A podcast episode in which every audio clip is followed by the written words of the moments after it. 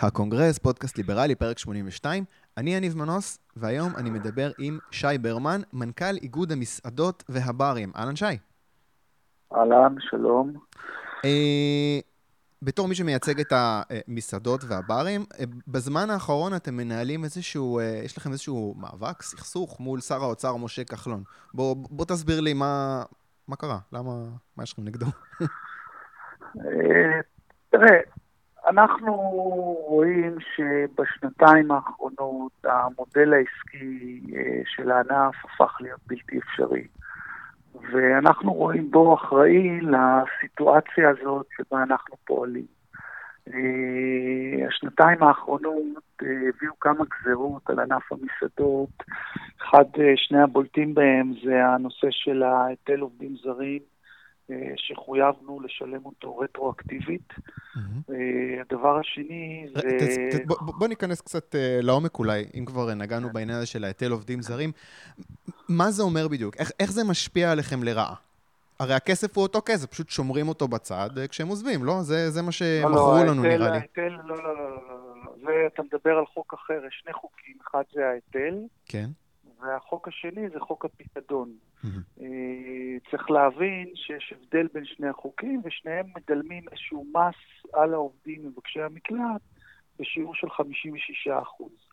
יש אה, אה, עניין אחד שנקרא היטל עובדים זרים.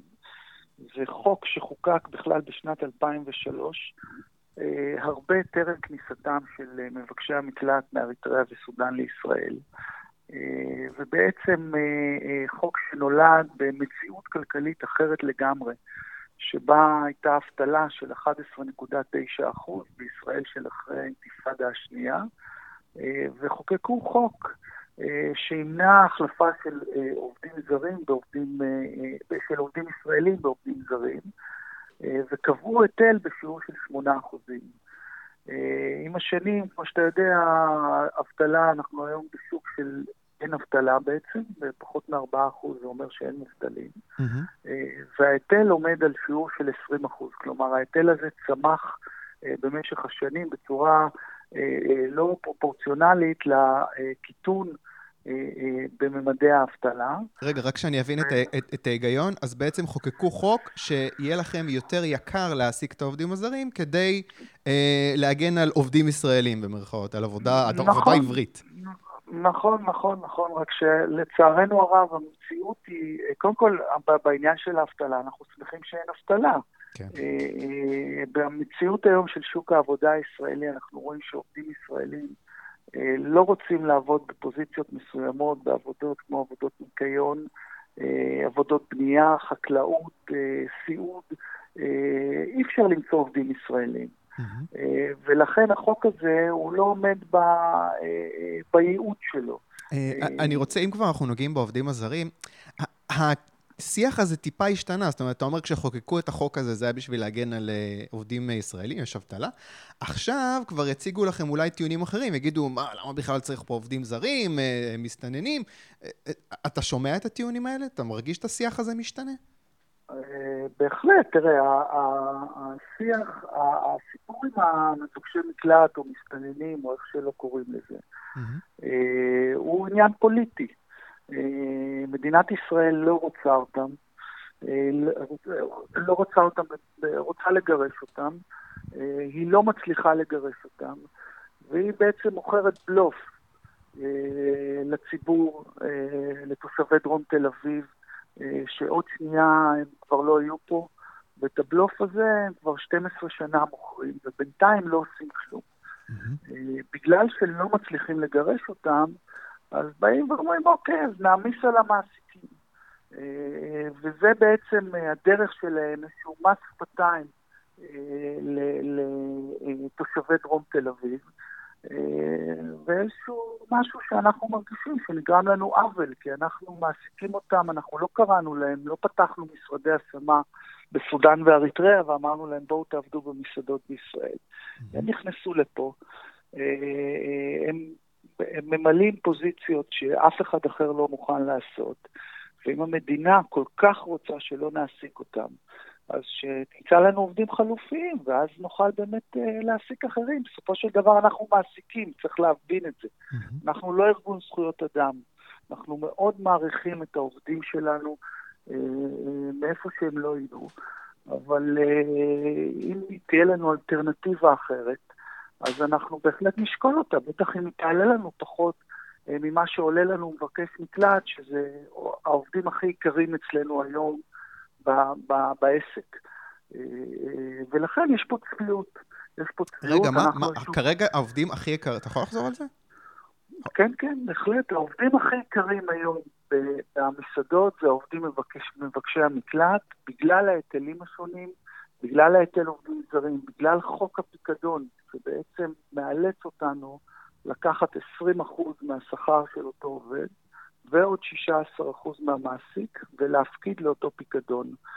בפועל, הם לא מוכנים שנקזז להם 20% אה, אה, אה, מהשכר, ולכן הרבה מעסיקים, בגלל שאין אלטרנטיבה, נאלצים לתת להם העלאות שכר, כדי שלא ילכו לעבוד במקום אחר, או שאולי מישהו ישלם להם בשחור. ואז אומר אנחנו... עובדים, אתה אומר עובדים ישראלים בעצם לפוזיציות האלה אי אפשר למצוא? נכון. וואו. אוקיי, אה, בואו דיברנו על העובדים הזרים, אני רוצה שנדבר על עוד משהו שאני מניח מעסיק אתכם. בואו נדבר רגע על החוק של הטיפים. אני הייתי מלצר פעם, לפני 10-15 שנה. עכשיו, אני זוכר, הכיף בלהיות מלצר בשבילי היה כמה קשה שעבדתי, ככה קיבלתי כסף, בסוף המשמרת מזומן. לא עבדתי, עשיתי את ה-120 שקל נגיד, עבדתי קשה, עשיתי 400 שקל במשמרת, לפני 15 שנה זה היה הרבה כסף למשמרת, אה, אבל זה הולך להשתנות, נכון? זאת אומרת, החיים של מלצר עכשיו זה כבר לא יהיה ככה יותר. אה, בהחלט, כן. רק אני אתקן, זה לא חוק, זה פסיקה. Okay. אוקיי. מדובר בפסיקה של בית דין ארצי לעבודה, שבעצם אה, אה, התעסק בהיבט הסוציאלי של העסקת מלצרים, ומבקש לשנות את המציאות הקיימת, שבה המלצר מרוויח אה, סכום מסוים, שמשתנה כמובן, אנחנו בתור מעסיקים, יש לנו חובה לוודא שהם לפחות מקבלים שכר מינימום, mm-hmm. כן? וכמובן להוציא תלוש, ומה שמעבר לכך, המלצר היה מקבל והולך הביתה שמח וטוב לב, וזה היה עוזר לו לצלוח את התקופה הסטודנטיאלית, ללכת לשתות כמה בירות מדי פעם, ו- ואיכשהו לעבור את השנים הראשונות שלו בתחום התעסוקה, עד שהוא מגיע למה שנקרא העבודה האמיתית שלו. רגע, אני רק רוצה, אני רק רוצה להדגיש לאנשים ששומעים, שמקשיבים לזה, מה כל כך טוב בלהיות מלצר כשאתה סטודנט? זה, זה, זה הגמישות. זאת אומרת, אני זוכר, אני הייתי סטודנט, הייתי עושה שתי משמרות בסוף שבוע, ככה גם הייתי עושה קצת כסף, וגם היה לי זמן ללמוד. זאת אומרת, זו עבודה אידיאלית לסטודנטים. אז בוא תסביר לי עכשיו איך בעצם הפסיקה הזאת פוגעת במצב הזה. הפסיקה הזאת בעצם אומרת שהמציאות הזאת שבה אה, אה, אה, חלק מהשכר של המלצרים לא מופיע בתלוש השכר, צריך להשתנות. ולמעשה אנחנו צריכים לגלם את כל הטיפ במלואו בתלוש השכר, וכמובן להפריש עליו הפרשות פנסיוניות, סוציאליות כאלה ואחרות, ביטוח לאומי וכולי. הדבר הזה יש לו היבטים חיוביים, כי באמת יש להם הגנה מלאה מבחינה ביטוחית. ופנסיה שהם אה, אה, מתחילים כבר לצבור. Mm-hmm. מצד שני, בהכירנו, כמו שאתה אומר, את האנשים שעובדים בתחום הזה, אז אנחנו יודעים שהם צריכים כסף כאן ועכשיו. ולכן הפסיקה הזאת, שהיא מגלמת הורדה בשכר של 20% החל מהראשון לראשון 19, זו המשמעות הכלכלית של הדבר הזה. וזה המספר? מש... מלצרים, מלצרים עכשיו ששומעים את התוכנית הזאת, את הפודקאסט, הם יכולים לצפות שבתחילת ינואר, בממוצע, הם יאבדו 20% מהמשכורת שלהם? אה, לפחות 20 אחוז, לפחות 20 אחוז, מכיוון שאנחנו, מה שקרה בעקבות הפסק דין הזה, שרשות המיסים בצורה מאוד תמוהה, כן, התלבשה על פסק הדין הזה, ופתאום משמיעה קולות שההכנסה הזאת היא כאילו הכנסה של העסק, ולכן העסק צריך להעביר מע"מ לרשויות המס, לפני שאנחנו נותנים את השכר, את הכסף ששייך למלצרים. ואם הדבר הזה לא יתפטר בשבועיים, שלושה הקרובים, אנחנו פה נהיה ברעידת אדמה הרבה יותר גדולה. פה זה לא מדובר רק ב-20 זה מדובר ב-20 פלוס 17, ו- ו- או 17 פלוס 20, ואנחנו פה באיזשהו אירוע, מגה אירוע אה, מבחינת המלצרים. אה, המשמעות של הדבר הזה זה שפשוט מאוד המלצרות במדינת ישראל תהפוך להיות עבודה בשכר מינימום. באמת? מלצרים יסכימו לעבוד בשכר מינימום? זו עבודה קשה לשכר מינימום. אה, אני חושב שיהיה קשה מאוד לגייס מלצרים. אני חושב שהרבה מלצרים יפוטרו. אני חושב שצוותים יצומצמו. אנחנו חושבים שכל ענף בתי הקפה אה, יהפוך להיות ענף בשירות עצמי, לא יהיו מלצרים בבתי קפה. אה, רמת השירות תרד, ובעיקר המלצרים ייפגעו. צריך להבין את זה. הפסיקה הזאת וההתלבשות של רשות המיסים על הפסיקה בניסיון אה, אה, לקחת עוד כסף אה, מסטודנטים צעירים, שצריך להבין, משלמים מס בתלוש השכר שלהם. הרי ברגע שאנחנו מגלמים את כל הסכום בתלוש השכר, ברגע שכל מלצר יגיע לסף המס, הוא ישלם מס הכנסה. Mm-hmm. אז מדוע לקחת לו פעמיים? גם, גם מהמעסיק בתור הכנסה וגם מהעובד בתור הכנסה. כלומר, יש פה איזשהו כפל מס. כן. אוקיי, אה, זה משהו שנתקלתי בו באחת הכתבות שקראתי.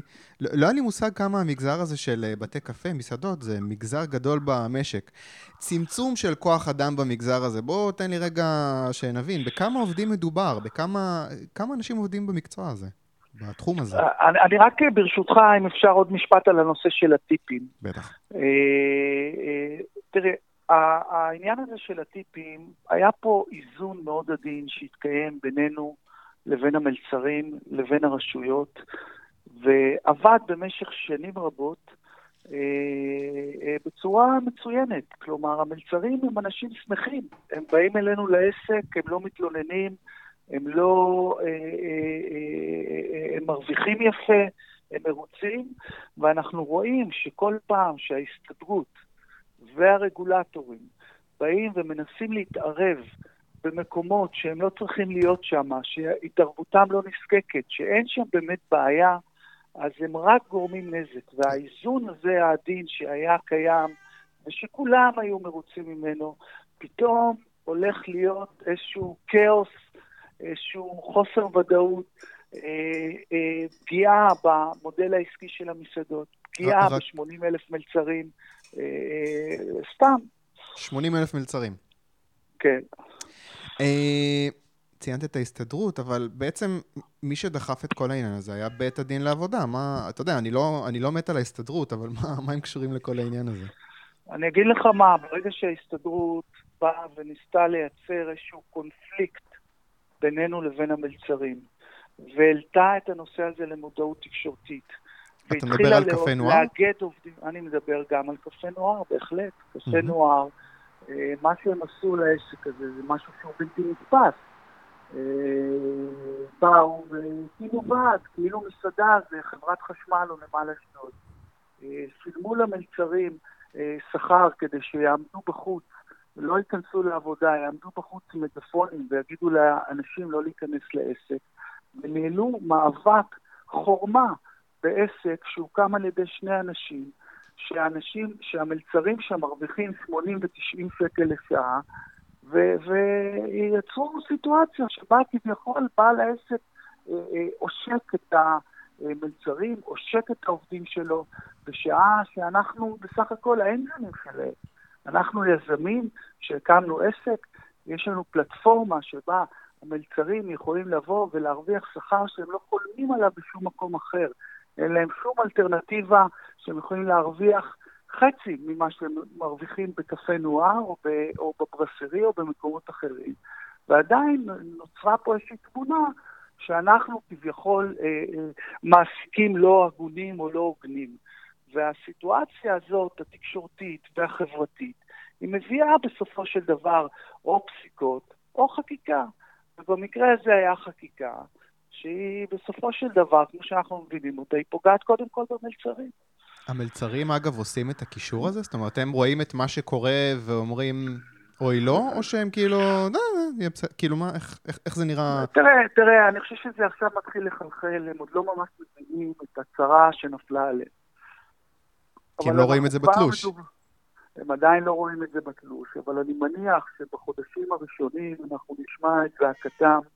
אה, אה, ברגע שהפסיקה הזאת תיושם והיא אמורה להיות מיושמת החל מהראשון לראשון 19, אני מניח שייקח זמן עוד עד שכל המעסיקים יתחילו לעבוד על פי הפסיקה הזאת, אבל אה, ברגע שזה יקרה, אז יהיה פה רעש גדול, כי כשאתה בא וחותך למלצר 30 אחוז, או 20 אחוז, או 40 אחוז, אנחנו אפילו לא יודעים כמה זה יהיה, אז, אז הוא יתמרמר. אבל עכשיו, אני תוהה איך זה יתגלגל, כי אני רואה עכשיו, נגיד, יש אה, מכריזים על אה, שורה של אה, עליות מחירים במשק, שאני מתאר לעצמי שבסופו של דבר כל המיסים האלה, זה יהיה מתורגם גם לעליות מחירים אצלכם. וכשאוסם מעלים מחירים, אז לא באים בטענות לרגולציה שגרמה להם להעלות מחירים, באים בטענות לאוסם. אתה לא חושש שכאילו באמת יבואו בטענות אליכם? מה, אתם גם מעלים מחירים במסעדות וגם משלמים פחות למלצרים? זה, זה, זה, אני רואה את זה כבר קורה. תראה, קודם כל, אה, מאוד יכול להיות שזה יקרה. אה, אני חושב שאנחנו נתפסים אה, בצורה קצת שונה עדיין מקונגלומטים גדולים, כמו שהזכרת. מבינים שזה עסק קטן, יודעים היום שמסעדה זה עסק בעייתי, אבל uh, הרבה פעמים אנחנו בהחלט רואים בציבור הרחב שאומרים, אוקיי, תורידו מחירים. עכשיו, מה זה תורידו מחירים? מה, אנחנו קוסמים? מה, אנחנו פועלים באיזשהו ואקום? יש פה מציאות. המציאות הזאת אה, היא כזאת שמכתיבה איזשהו מודל עסקי שמחייב אותך לשלם אה, מחירים גבוהים, אה, לקחת מחירים גבוהים. אם הנדל"ן אה, אה עלה בצורה מאוד דרסטית, ברור שזה משפיע על התמחור של המנה. אותו דבר זה המיסים, אותו דבר זה עלות כוח האדם שעלתה בצורה מטורפת בשנים האחרונות, בגלל כל מיני חקיקה אה, חברתית וסוציאלית, שחלק היא מוצדקת, אבל חלק היא ממש מיותרת. אה, אה, הפכה אותנו מעסק שה labor cost היה לפני כמה שנים 25 אחוז, 28 אחוז, היום מסעדה, אם מצליחה לרדת מ-40 אחוז labor cost, אז, אז בעלי העסק נחשבים גאונים. וזו הבעיה הכי קשה. ורק כדי שנבין כמה העסק הזה מסוכן, תגיד לי אם זה נכון, אני קראתי באיזשהו מקום שמתוך אה, בתי קפה שנפתחים בתל אביב, 90 אחוז לא, לא עוברים את השנה הראשונה. זה הנתון? לא, לא, לא, לא, הנתון הוא... הנתון הוא ש... קצת הגזמת, אבל הנתונים הם עדיין עגומים. הנתונים הם ש-80% מהעסקים אה, לא שורדים את חמש השנים הראשונות. כלומר, אחרי חמש שנים 80% מהעסקים אה, נסגרים במהלך חמש שנים הללו. אני רוצה רגע אה, לקחת רגע צעד אחורה. אה, נכנסתי לדף של האיגוד שלכם, רשום שם גם עליך, אתה הקמת את מסעדת איסט, ובמהלך העבודה שלך נחשפת, אני מצטט, לקשיים הרבים בענף המסעדנות והתמודדות בלתי אפשרית עם הרשויות והגורמים השונים שמפריעים ואוכלים כל חלקה טובה. אני, ציינתי כבר הייתי מלצר, אני לא נתקלתי ברגולציה הזאת, אה, אבל אני מניח שמהזווית שלך, כמישהו שמנהל מסעדה, הדברים היו נראים קצת אחרת. ספר לי רגע על החוויה הזאת של אתה מקים מסעדה, ובמה אתה נתקל, באיזה קשיים אתה חווה, חוץ מדברים שציינו עד עכשיו. תראה, אם אני מנסה לשים כותרת אה, אה, אה, לקשיים, אה, אתה יודע, רגולציה וזה, אני יכול לדבר עכשיו שעה על זה. Mm-hmm. אה, הכותרת של הדברים זה אי-ודאות. כשאתה אה, רוצה לפתוח עסק בתחום הזה, מהשלב הראשון שאתה מאתר נכס ואתה מבקש לדעת האם בנכס הזה אתה יכול לקבל רישיון עסק להפעיל מסעדה אה, או בית קפה, אתה אף פעם לא תקבל תשובה אבסולוטית. כלומר, תמיד זה יהיה מותנה במשהו כזה או משהו אחר, והאי-ודאות הזאת אה, היא, היא מלווה אה, במשך כל התקופה. אתה אף פעם לא יודע למה לצפות. תסביר לי רגע, זה קצת, זה, זה קצת באמת כותרת ש, שאני לא מבין מה, זו, מה זה אי-ודאות. אני עכשיו מצאתי מקום, ואני אומר, אני הולך עכשיו לפתוח בבית קפה. מה, איפה, איפה האי-ודאות? איפה אני לא יודע מה קורה? איפה זה קורה? אתה, לא, אתה, אתה, אתה רוצה לפתוח בית קפה, ואתה צריך להשקיע במקרה הטוב כמה מאות אלפי שקלים, כן? Mm-hmm. ובמקרה הפחות טוב, לפעמים זה גם מיליוני שקלים. ואתה רוצה לדעת דבר מאוד פשוט, איך אתה מקבל רישיון עסק, האם אתה יכול לקבל רישיון עסק, מתי אתה מקבל את הרישיון עסק, מה בדיוק התנאים שאתה צריך כדי לקבל רישיון, אתה לא יכול לקבל את זה.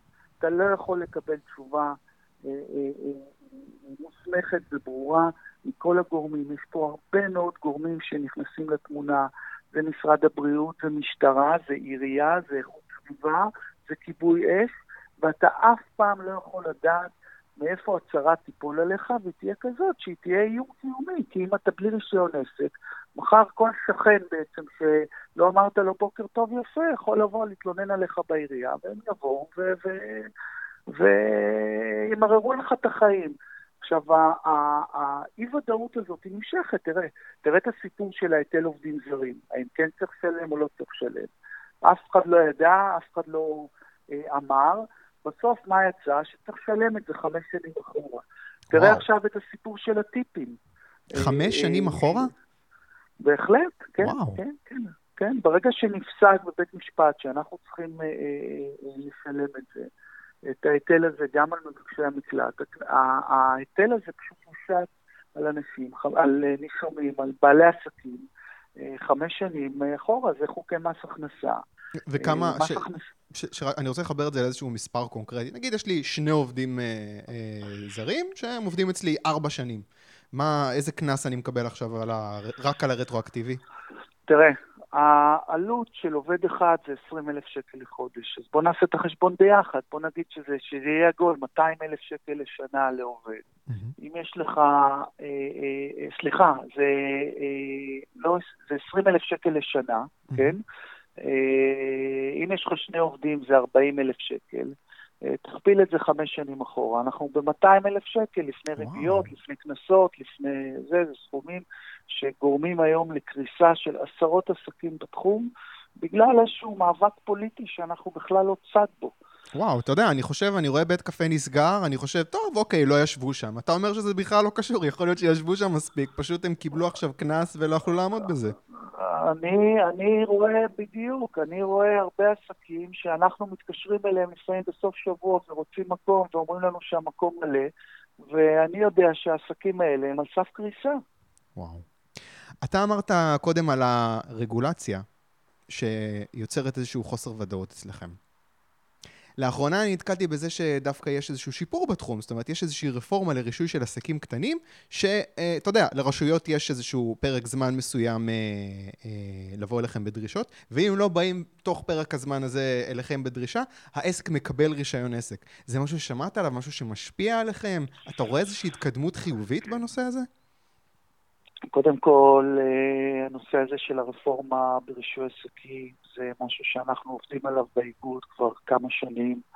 אה, אגב, בשיתוף פעולה צריך לומר את זה גם עם אה, מנהלי, אגפי מנהלי רישוי עסקים בכל הארץ, שבאו יחד איתנו וצעקו צעקה גדולה שהמצב הזה לא יכול להימשך. Mm-hmm. ואכן יש רפורמה. הרפורמה הזאת היא, היא רפורמה שתשפר את המצב. היא תאריך את תוקף הרישיונות, אה, שזה דבר מאוד משמעותי. אם היום רישיון למסעדה אה, הוא לשלוש שנים, החל מאפריל 19, אה, רישיון אתה תקבל אותו לעשר שנים. זה כמובן עדיין לא כמו בחו"ל, שם אתה מקבל ברוב המדינות רישיון עסק לצמיתות, mm-hmm. אבל עדיין זה משפר את מצבנו. התהליך עצמו עדיין יהיה תהליך מסורבל ברוב המקרים.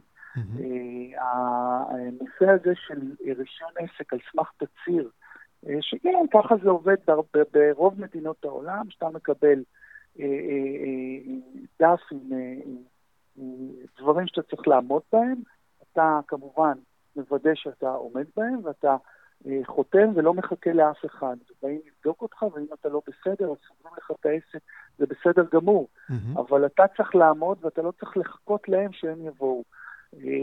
הנושא הזה הוא עדיין בחיתוליו פה. אנחנו רואים, אנחנו יודעים שבתי קפה עד גודל של 150 מטר, או תפוסת קהל של 50 איש, יוכלו לקבל רישיון עסק על סמך תצהיר. אנחנו היינו רוצים לראות יותר עסקים נכנסים לרובריקה הזאת של רישיון על סמך תצהיר, גם במסעדות, גם בברים וגם בשאר העסקים בתחום. יש לכם חברי כנסת שעוזרים לכם לקדם את זה? או שזה לא מישהו ספציפי ו... לא, תראה, תראה, אני, אני חושב שהיה לנו בנושא הזה של הרפורמה, היה לנו שיתוף פעולה יוצא מן הכלל עם יואב קיש מהליכוד, יו"ר ועדת הפנים, שבאמת קידם את זה והיה אסרטיבי. אה, צריך להבין שכדי לשנות משהו בעניין הזה צריך לנצח את הרגולטורים, צריך לנצח את הפקידים. והקרב מול הפקידים הוא קרב מאוד קשה. אה, זה אנשים שהרבה פעמים אה, חלקם מוכשרים, אפילו רובם, אבל הם לא מבינים את המציאות שבה אנחנו פועלים.